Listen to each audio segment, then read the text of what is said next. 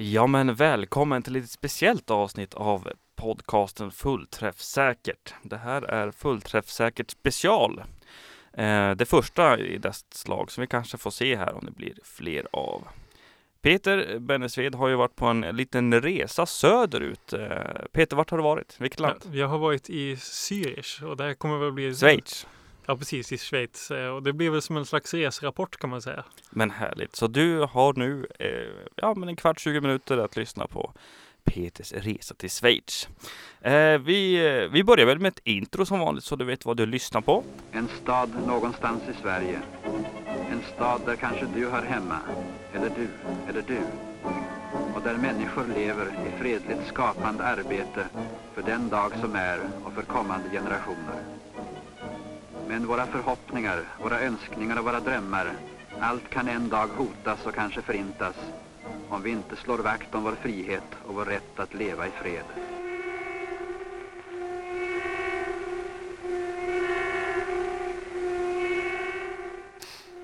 Ja men då så. Men det är inte bara kanske Peters resa eh, till Schweiz vi ska diskutera idag utan prata om. Utan vi kanske också ska diskutera lite om vad podcasten och vi, vi känner att det går och eh, ja.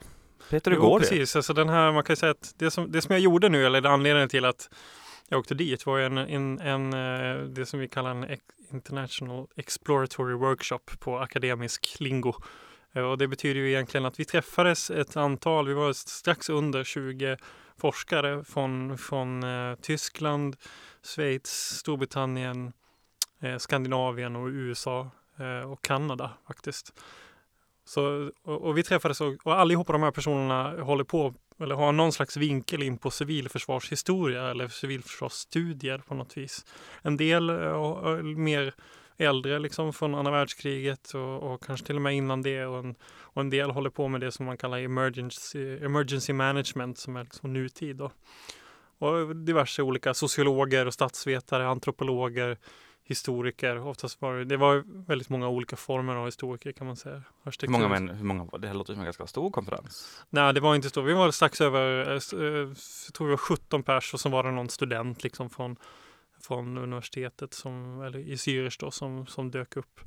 Sådär, men det var ganska, men ja, det är ju ett spännande fenomen. här. Det här är första gången i eh, världspremiär kan man säga för en, en konferens i civilförsvarshistoria eller liksom civilförsvarsstudier. Det har aldrig, aldrig gjorts förut. Och de konferenser som har varit internationellt på det här temat har ju varit från folk som har jobbat med civilförsvar på olika vis. Det har ju varit ett, fler, flera sådana konferenser under kalla kriget till exempel där man har träffats. Så, så det är ett intressant fenomen eh, att dels, jag har ju varit själv med och organiserade så jag har ju skapat det här också delvis. Så, så det är väl, men det är väl intressant att se att det finns så pass många personer eh, och det är ja, 17 pers låter inte så skitmånga men det är ganska många för, För det här ja, ämnet, för det, i det här sammanhanget. Mm. Ja, att, men eh, det här är ett, eh, ett ämne som nu växer eh, i, av, i intresse i världen över. Och, och eh, ja, det är många spännande studier som är på gång kring civilförsvar och många nya perspektiv på det här. Och jag antar att det hänger ihop med dels att kalla kriget nu börjar vara så pass, så pass långt bort i historien att vi kan börja liksom titta på det med lite nyktra ögon. Och dels eh, att det är ju helt enkelt det är ju en slags ny nationalistisk våg som, som sveper över världen som också sätter säkerhetsfrågor på agendan på ett nytt sätt. Och då blir ju också historieskrivningen om den det är ju också aktuellt på nytt. Och, och jag menar, det här, i det här sammanhanget så poppar ju även vi upp, vår lilla podd. Mm. Om en obetydlig i det stora sammanhanget så är, ju också det här ett tecken på, samtiden eller vad man nu ska säga. Verkligen, verkligen. Vad, eh, i stora drag då? Vad, hur går det till? Vad gör ni? På ett sånt här? Sitter ni bara och diskuterar eller? Ja, men det funkar så här att man, eh, vi, instruktionerna som vi gav åt eh, deltagarna var att de ska helt enkelt presentera sin egen forskning, eller antingen det som de håller på med eller det som de har gjort eh, och, och presentera sina liksom, korta små frukter liksom, som, de har, som de har hittat under sin tid som forskare. Och också så spana lite framåt hur vi kan göra det här på ett internationellt plan. För ett problem som vi identifierade redan när vi började planera den här, det är ju att historie, eh, historiografin om, eller forskningen om civilförsvar är väldigt nationellt inramad. Och det är inte så konstigt egentligen. Det är ju ett, ett nationellt fenomen på sätt och vis. Det är att den alltid hänvisar till nationen och att det är den vi ska säkra och rädda. Civilförsvarsaktörer hänvisar ju till nationen hela tiden. Men samtidigt så är ju det här ett globalt fenomen på det viset att det poppar upp över hela världen ungefär samtidigt. Och kunskapsspridningen eh, Eh, mellan olika länder eh, är ju väldigt lik, eller så det är samma material som liksom reser över gränser. Det, eh, det svenska civilförsvaret var under eller mellankrigstiden och andra världskriget i princip byggt på tyska principer och tyskt material. Och, och senare under kalla kriget så var det huvudsakligen amerikanskt material. Som, så att det finns, en, det finns både, själva aktiviteten i sig är ju väldigt nationellt inramad, men, men kunskapsbasen och utvecklingen över, överlag är ju ett internationellt fenomen. Men det finns ingen forskning egentligen som speglar det. Det finns inga, finns inga syntesverk eller några böcker som egentligen förklarar det här globala fenomenet som det faktiskt är och hur det har liksom eh, rört sig över tid. Så det var väl det som, som var lite vår, eh, vårt mål med den här konferensen. Nådde ni målet? Ja, alltså, sådana här saker tar tid så att man kan säga att det här var första gången, det här var ett sätt att etablera ett nätverk. Och för, för fortsatt forskning och sen är det ju Sen måste man ju lösa praktikaliteterna. Ju, man kan inte bara bestämma att man ska forska om någonting. Vi måste ha lön för det vi gör och sådär. Så att mycket av det här handlar ju om Eh, att etablera nätverk för att sen kunna söka pengar för att fortsätta så att söka mer pengar för, för själva nya konferenser så vi kan träffas igen och sådär.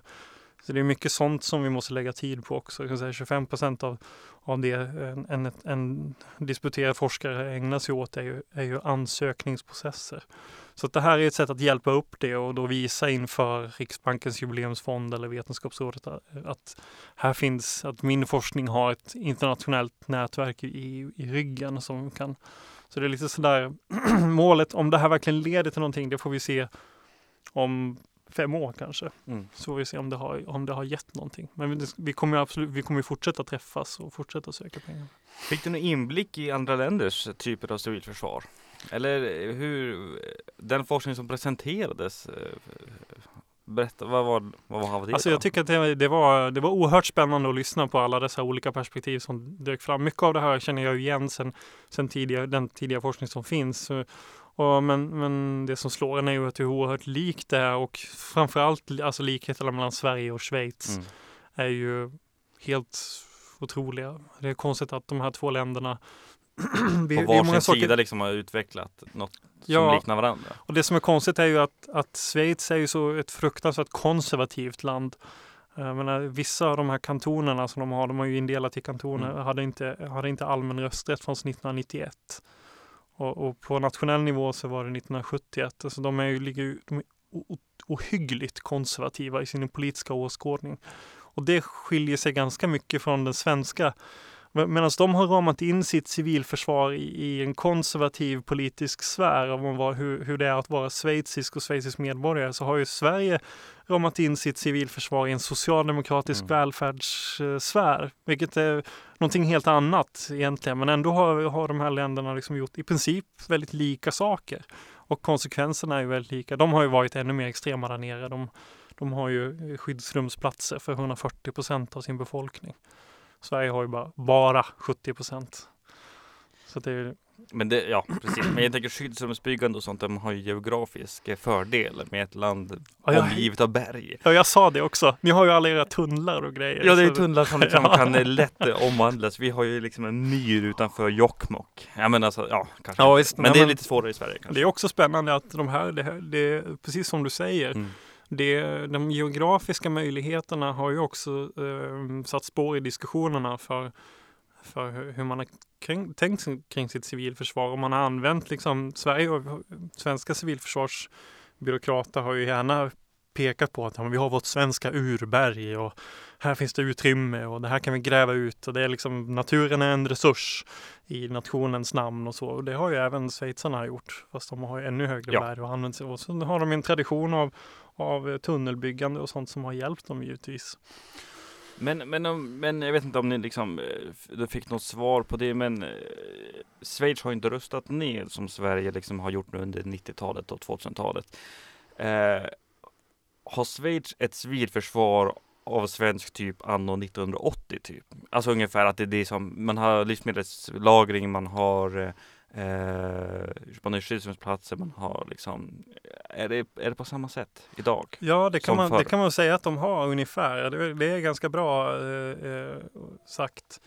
Så de är lite senare än vad vi är med att sätta igång sitt skyddsrumssystem och, sitt, och bygga upp sitt kalla krigs civilförsvar. Det sätter de igång med först på 60-talet. Och vi, satte ju, vi etablerade ju grundstenarna i det här redan 1940 och, och, och sen byggde ut det under 50-talet. Men, men schweizarna har, de ligger, de ligger lite grann efter på det planet. Men å andra sidan så la de ju aldrig ner efter, efter um, kalla kriget. Och det är spännande för att det, det var um, det var ju faktiskt uh, kärnkraftsproblemen som har drivit på det här. Att alltså när, civil kärnkraftsproblem alltså? Ja, alltså okay. det, det, det, var så här att när de funderade på att riva upp sin civilförsvars eller skyddsrumsplanering eller den här lagen som sa att alla nya hus måste ha skyddsrum eh, 1986. Och vad hände då? Tjernobyl. Tjernobyl hände då och då beslutade man sig för att ändra det här omedelbart. Eh, så då, då blev det aldrig någon upp, så rev man aldrig upp det. Och sen så eh, när man, så lät man det här gå under, under um, 90-talet fram till 2011. Två, eh, två dagar innan Fukushima bestämmer sig eh, den här schweiziska Bundesrat, mm. alltså riksdagen, att de ska riva upp sin skyddsrumsplanering. Och sen händer Fukushima och de bara, vi skojar bara, eh, vi låter det vara kvar. Så att det, det är sådana här kärnkraftskatastrofer har gjort, de har lyckats tajma sina politiska utspel kring de här frågorna precis när det har skett katastrofer, vilket har gjort att det har fortsatt hela tiden. Och sen har det varit terrorbombningar under 2000-talet också och sånt där som har liksom satt det här på nytt. Så liksom drivkraften i det moderna schweiziska civilförsvaret är kanske inte främst krig då om jag förstår det rätt, utan då är det snarare kärnvapenkatastrofer, alltså olyckor, det är eh, terrorbombningar och sånt. Absolut. Så det är liksom inte kriget Nej. man pratar om idag. Jag kan säga ett jättebra exempel på det. Det här måste jag berätta i det här sammanhanget. Alltså vi åkte iväg till, till på lördagen när när konferensen var över så åkte vi iväg till Luzern. Det är en liten pittoresk by som ligger i något väderstreck från Zürich. Jag minns inte, jag hoppade bara på tåget. Tänkte inte så mycket på det och var så upptagen med diskussionerna. Men där finns eh, den schweiziska motsvarigheten till Katarinaberget som vi har här i Sverige och eh, eventuellt världens största skyddsrum. Kanske att det finns något större i Kina, man vet inte riktigt. Men när det byggdes på 70-talet, det var färdigt 76, Eh, då var det definitivt världens största civila skyddsrum i alla fall. Och den här byggnaden var anpassad för 20 000 personer, precis som Katarinaberget var. Eh, och, och eh, då tänkte man sig, och det är alltså två vägtunnlar som går jämte varandra, det kallas Sonnenberg Tunnel. Då är det alltså två vägtunnlar som går och sen ovanpå de här vägtunnlarna inne i berget har man alltså sprängt ut och byggt upp en sjuvånings, ett sjuvåningskomplex. Med allt som Alltså ett ohyggligt, alltså monumentalism under jorden deluxe. Och vi, gick, vi var på en guidad tur där. Men det man upptäckte då, alltså det första är det märkliga att man testade aldrig byggnaden när den var klar. Vi kunde inte få något svar på hur, det verkar inte som att de har gjort det. Eh, däremot så gjorde man ett test 1986 på hur det här skulle fungera. Och då kom man fram till, planen var ju så här, när man redan när man byggde det, att man skulle ha en ganska lång upptrappningsperiod. Så du skulle kunna eh, sätta de här eh, tunnlarna i ordning under två veckors tid ungefär. För att varje tunnel skulle fyllas upp med sängar och toaletter och allting. Det var ett ohyggligt arbete. Det var ju flera hundra ton med material som skulle in där. Eh, och då tänkte man att man skulle ha två veckor att göra det. Och sen så när man övade 1986 så kom man fram till att det går inte. Alltså de lyckades, på två veckor lyckades de få fram en fjärdedel av allt material som de behövde ha. Men Fukushima och, eh, och Tjernobylkatastrofer och den typen av händelser, de har ingen två veckors. De händer ju bara. Ja. De händer bara. Ja. Och, och, och, därför så, så, så visar det sig ganska snabbt att den här typen av civilförsvarsplanering som man har haft eh, med den här typen av stora mm. skyddsrum som vi även har haft i Sverige som var en liksom, stark doktrin under 50-60-talet och skulle ju vara helt meningslösa. Mm. Så då fick man köra ner den här storleken. Från 20 000 räknar man helt plötsligt med 2 000, verkar vara rimligt. Eh, I den gigantiska anläggningen? Ja, i den gigantiska anläggningen. Så det var tänkt att man skulle spärra av tunnlarna då och sen hade man ett hus ovanpå tunnlarna som någon slags administration och sjukhus. Exakt. Men hur långt ligger den här tunneln från själv, en stad? Typ Ja, det är precis i stan. Det är liksom. i stan? Ja. Okej, jag tänkte om det var en bit bort på motvägen Ja. så är det ju väldigt dumt. Ja, nej, nej men det, det ligger liksom väldigt nära stan. och sen så sådana här saker som, och det tyckte jag var fantastiskt att, nu blir det lite off topic, men, eh, men den här byggnaden alltså, de tänkte sig inte, de funderade inte på hur man ska administrera människor där när de väl är där inne. Alltså hur, att man behöver till exempel samkvämsytor. Man tänkte inte på att man måste förvara alla människors prylar någonstans. För de fick nämligen order om att ta med sig mat och sånt här Mm. och sina personliga tillhörigheter. Då skulle, de, skulle personer, alltså civilbefolkningen själva släppa in. Men det fanns ingenstans att förvara det. och det fanns inget kök som kunde hantera det här. Utan sådana saker liksom tänkte de inte på. Det fanns inte någon, något utrymme för att laga mat på det viset som man behövde heller. Så det var någon slags eget ansvar då när man väl eh, Bring att your stat- own cheese. Ja men precis, staten bygger ett stort rum här men, men du får ta hand om din matlagning och ditt, Visst. dina förnödenheter. Och så liksom sanitära frågor och sånt där löstes inte heller riktigt. Det fanns några tankar men, men det var liksom inte någon. De hade alltså sådana här toaletter som med en påse bara. Så, så du, Jaha. Ja, du knyter liksom, du Ja. sätter dig och sen så Och så knyter knyter du. du. Inte, en- det finns inte sådana här torrklosetter Nej. med, med puder och grejer utan det skulle bara vara de här påsarna som man sen skulle slänga i, en, i Men ett kärl liksom. var vi mycket bättre i Sverige? Tänkte vi på matlagning? Alltså torrklosetter, det hade vi ju. Det var ju Ja. väl rätt mycket sanitärt förberett för. Men just matlagning vet jag inte. Ja, Det är en bra fråga faktiskt och det, det tänkte jag på när jag var där. Hur gick det här egentligen till i de svenska? För vi har ju ett par sådana här av den här storleken. Katarinaberget, Klara, Johannes, Otterhällan, Göteborg. Eh, Det finns också det här i, i Karlskrona, Trosseberget. Alltså hur tänkte de det? Men skillnaden är, ska jag säga, eller kanske inte är en skillnad, men det som förvånar mig är att militären vid det här laget är väldigt duktiga på att göra underjords. Anläggningar. Om man tittar på till exempel Hemsöbasen uppe i Härnösand så den är ju oerhört väl organiserad Mm. och, och de har ju löst alla de här problemen med, med vad folk ska vistas och vara och Och sådär. mat och samkväm och allting. Visst, Ja. och sådana saker har de ju liksom ordnat där. Nu var det i och för sig så att de kunde gå ut ur, ur den här anläggningen där också. Men det betyder ju, men det som är märkligt är ju att det, det inte är någon överföring här mellan, mellan militären eh, och civilförsvaret. Trots att militären är så pass duktiga på att, de är jätteduktiga på att administrera många människor på samma plats. Det är ju liksom själva grejen med. Men civilförsvaret, och det är väl också lite märkligt för att eh, jag, jag tror att jag hör någon, någon tanke här, men, men civilförsvarets anläggningar, de var väl och, de var ju också väldigt väl organiserade. Där tänkte man ju också på mat. Man hade ju ett kök i typ alla civilförsvarsanläggningar. även de från här... eh, HC-centralerna, Ja, det, ja. huvudcentralerna, Mm. från de minsta till de största hade ju alltid ett kök och någon slags Mm. samkvämsyta. Men jag tänker skyddsrummen, var, var inte tanken där i att man, som vi diskuterade i det avsnittet som handlade om de stora svenska skyddsrummen, att man inte skulle bo där, att man skulle vara där under just faran och sen skulle man gå hem och laga den maten. Eller, Jo, precis. Så, så, alltså så det fanns ju ingen utspisnings... För sen samtidigt så det finns det fanns ju planer på vart människor skulle utspisas. Och det är ju skolor som också har skyddsrum. Mm. Så jag tänker mig liksom att Jo precis, man ska ju inte komma, eller man ska komma ihåg att det finns ju mycket in och utrörelser ur de här Ja, det är skyddsrummen. inte att man så- går dit och sen sitter man där i Ja. tio år, inte. Ja, men, men det här skyddsrummet i Sonneberg tunnel, den, den var ju, eh, det var ju tänkt att man skulle stänga dörrarna i två veckors tid. Liksom. Och om man bara egentligen skulle slänga ut mat eller slänga ut skräpet genom de sidoportar eller liksom sådana här vägar som man hade runt Ja. portarna. Det blir ett problem. Det blir Men- problem. Ska vi, Och ska, det var ju det de upptäckte också. Som, som, ja. Nej, men, men annars. eh, men USA, vad, vad, sa, vad sa jänkarna?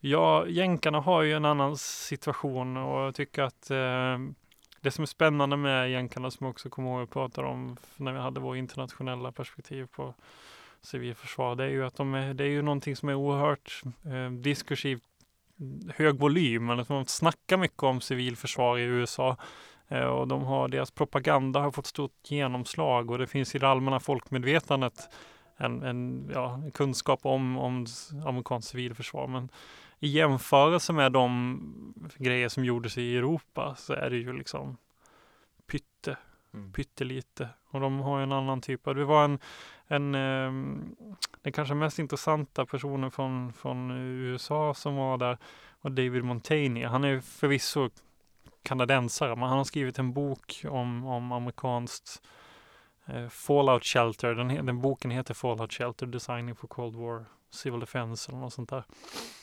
Och där är det ju, eh, hade man en annan approach. Där byggde man in liksom bunker, eh, en slags bunkermentalitet i arkitekturen. Alltså man skulle ha byggnader som skulle vara påminna om bunkrar. Eller skulle, väggarna skulle vara så tjocka. Och, och Alltså fristående hus alltså? Ja, alltså vanliga så här, eh, Boston, tar ju till exempel som ett första exempel Boston City Hall. Mhm. Eh, Den, den byggnaden var byggd som en bunker typ. Så de behövde liksom egentligen inte något skyddsrum i sig. För hela huset var som ett skyddsrum. Så, och där har de så, och det där var, tar han väl upp som symptomatiskt för amerikanskt och nordamerikanskt civilförsvar. Att, eh, de de eh, liksom försökte anpassa sin arkitektur istället för, För att att, ha något liksom, separata, Ja, liksom. istället Mm. för att, och, och, och det gick ju sådär då. Men samtidigt också, jag tänker med någon slags kalla kriget hotbild mot USA. Eh, ja, om kriget hade kommit och hade kommit kärnvapen. Och som bekant så, så fungerar inte skyddsrum särskilt väl för, skydds, för kärnvapen. Så att Nej, Jag ja, tänker mer liksom att att om nu man tänker sig att, att eh, traditionella skyddsrum fungerar ju rätt bra mot terrorbombningar och så vidare som vi nu pratat om tidigare. Så kanske det hade varit en annan sak att bli Ja, liksom eh, tyska, eh, tusen ryska kärnvapen bombar ner på Boston så hjälper nog inte stadshuset. Nej, jag tror, men det är ju visst. Så att man så kanske, är jag det vet inte, att man, man har en liten annan hotbild. Ja, och att det också, och att man har liksom en amerikansk individualism och kapitalism som inte Det liksom där är jätteviktigt det du säger där. Alltså, är det, är verkligen. liksom det är flera Ja. aspekter i det där som gör att man inte Men, men det är också lite märkligt att, att de är väldigt Precis som du säger, väldigt duktiga på propaganda, duck and cover Ja. eh, Det är alltid de som har varit liksom i förfronten Men inga, inga, inga ryska forskare, inga Ja, Det var, östforskare en, det var en kille, Edward Geist, eh, som faktiskt kom från Rand Corporation. Eh, Spännande. Han har skrivit en avhandling om där han jämför eh, amerikanskt och Sovjetunionens eh, civilförsvar. Som vi pratade om här i förra, något avsnitt sen Ja, jag tror, Ja. just det. Ja, men just det. Jag, jag eh, gav det hans artikel. Där, Det var han alltså? Ja, okej, det var han. Ja. Eh, Så han, han har ju läst liksom ryskt eller Sovjetunionens egna, alltså källmaterial därifrån. Så han har ju väldigt, han kan väl ryska också, så han var ju väldigt nära där. Och det var spännande, alltså han var, eh, han hade mycket intressanta synpunkter. Han var väldigt, alltså, ska man säga, traditionellt politiskt historiskt orienterad. Eh, Han var inte så sådär intresserad som, som vi kanske kan vara eh, här i Sverige och i eh, resten av Europa vad det gäller alltså, för civilförsvarskulturen Mm. i stort och bilderna som de förmedlar och, så- och liksom sådana där saker som är lite mer abstrakta. Det var inte han så intresserad av utan det var mer bara han ville jämföra liksom hur mycket kostar ett Sovjetunionens eh, skyddsrum jämförelse med schweiziskt och var mycket så tekniskt orienterad liksom. Vad hade de för tjocklek på dörrarna och sådär. Och han hade den, den ingången och, det, eh, och det, var, det var intressant också att höra att han han var inte jätteimponerad av det schweiziska, den här Sonnenberg tunneln som vi var i Luzern. Han tyckte att det var att Sovjetunionens sådana här stora eh, skyddsrumskomplex var nästan bättre organiserade än, än vad de var i Schweiz, vilket var väldigt spännande att höra. För att annars Mm. har man ju bilden av att Schweiz som ett ingenjörskonstens eh, moderland nästan. Att de var väldigt organiserat väl och så fixat. Ja. Fast det liksom, det där är väl liksom ett lands på något sätt kanske jag vet inte nu bara far iväg någon tanke. Men ett lands liksom kulturella identitet och liksom vad land är, det dras väl till sin spets under ett krig. Mm. Jag tänker mig väl där att ja, men det fanns inga förberedelser för typ eh, ordentliga förberedelser för typ toalett och sånt. För att individen på något sätt skulle ta hand om sig själv Ja, kanske. skydda sig själv. Ehm, och liksom när det kanske finns ett annat lite mer omhändertagande bild av staten, till exempel Sverige eller, eller så absolut Sovjetunionen där liksom Mm. staten var alla och en var. Mm. Det är kanske liksom där också. Och det var spännande att höra hans ehm, eh, synpunkter på det där. Det, det finns ju en myt i USA eh, om, om ryskt eller Sovjetunionens civilförsvar. Att det var bara till för, för att rädda partiet. De, alltså partifunktionärer.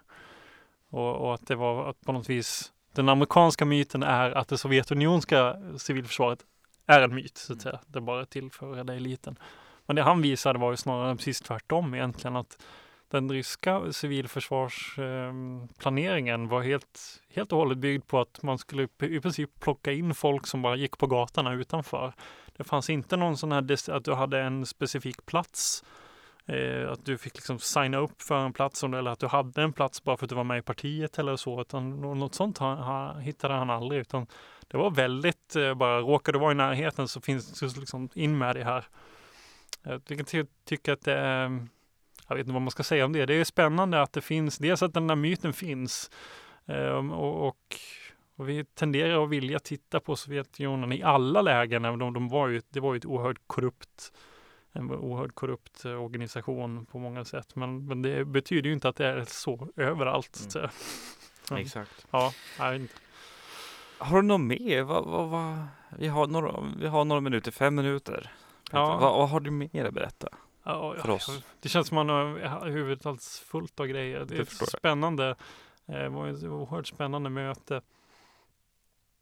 Och jag vet inte vet inte vad jag ska säga, men det, det, det, den här övergången, det som jag kan tycka var väldigt fascinerande var ju övergången till den här emergency management och hur det går till eh, under 80-talet.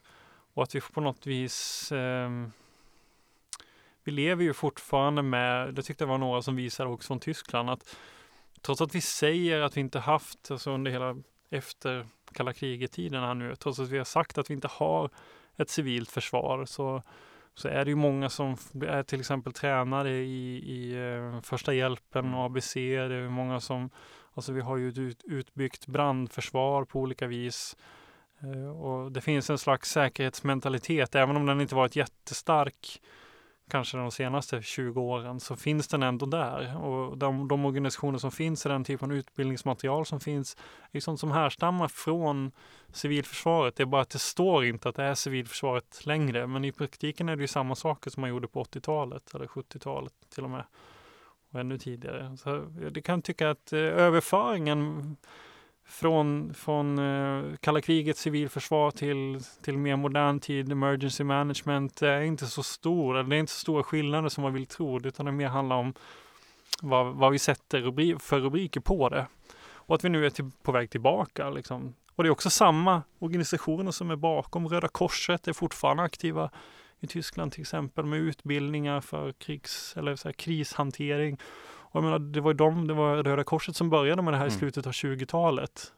Eh, hur man skyddar sig från gaskrig. Så att det är samma liksom, organisation som ligger och pyr över lång tid. Det jag tänker liksom, det som är emergency management system eh, och liksom dåtidens eh, civilförsvar då, det är väl skala känner jag liksom spontant med att, att man planerar liksom för ett helt land i, kris eller kanske bara lite mindre kriser, eh, att man ska liksom hantera dem.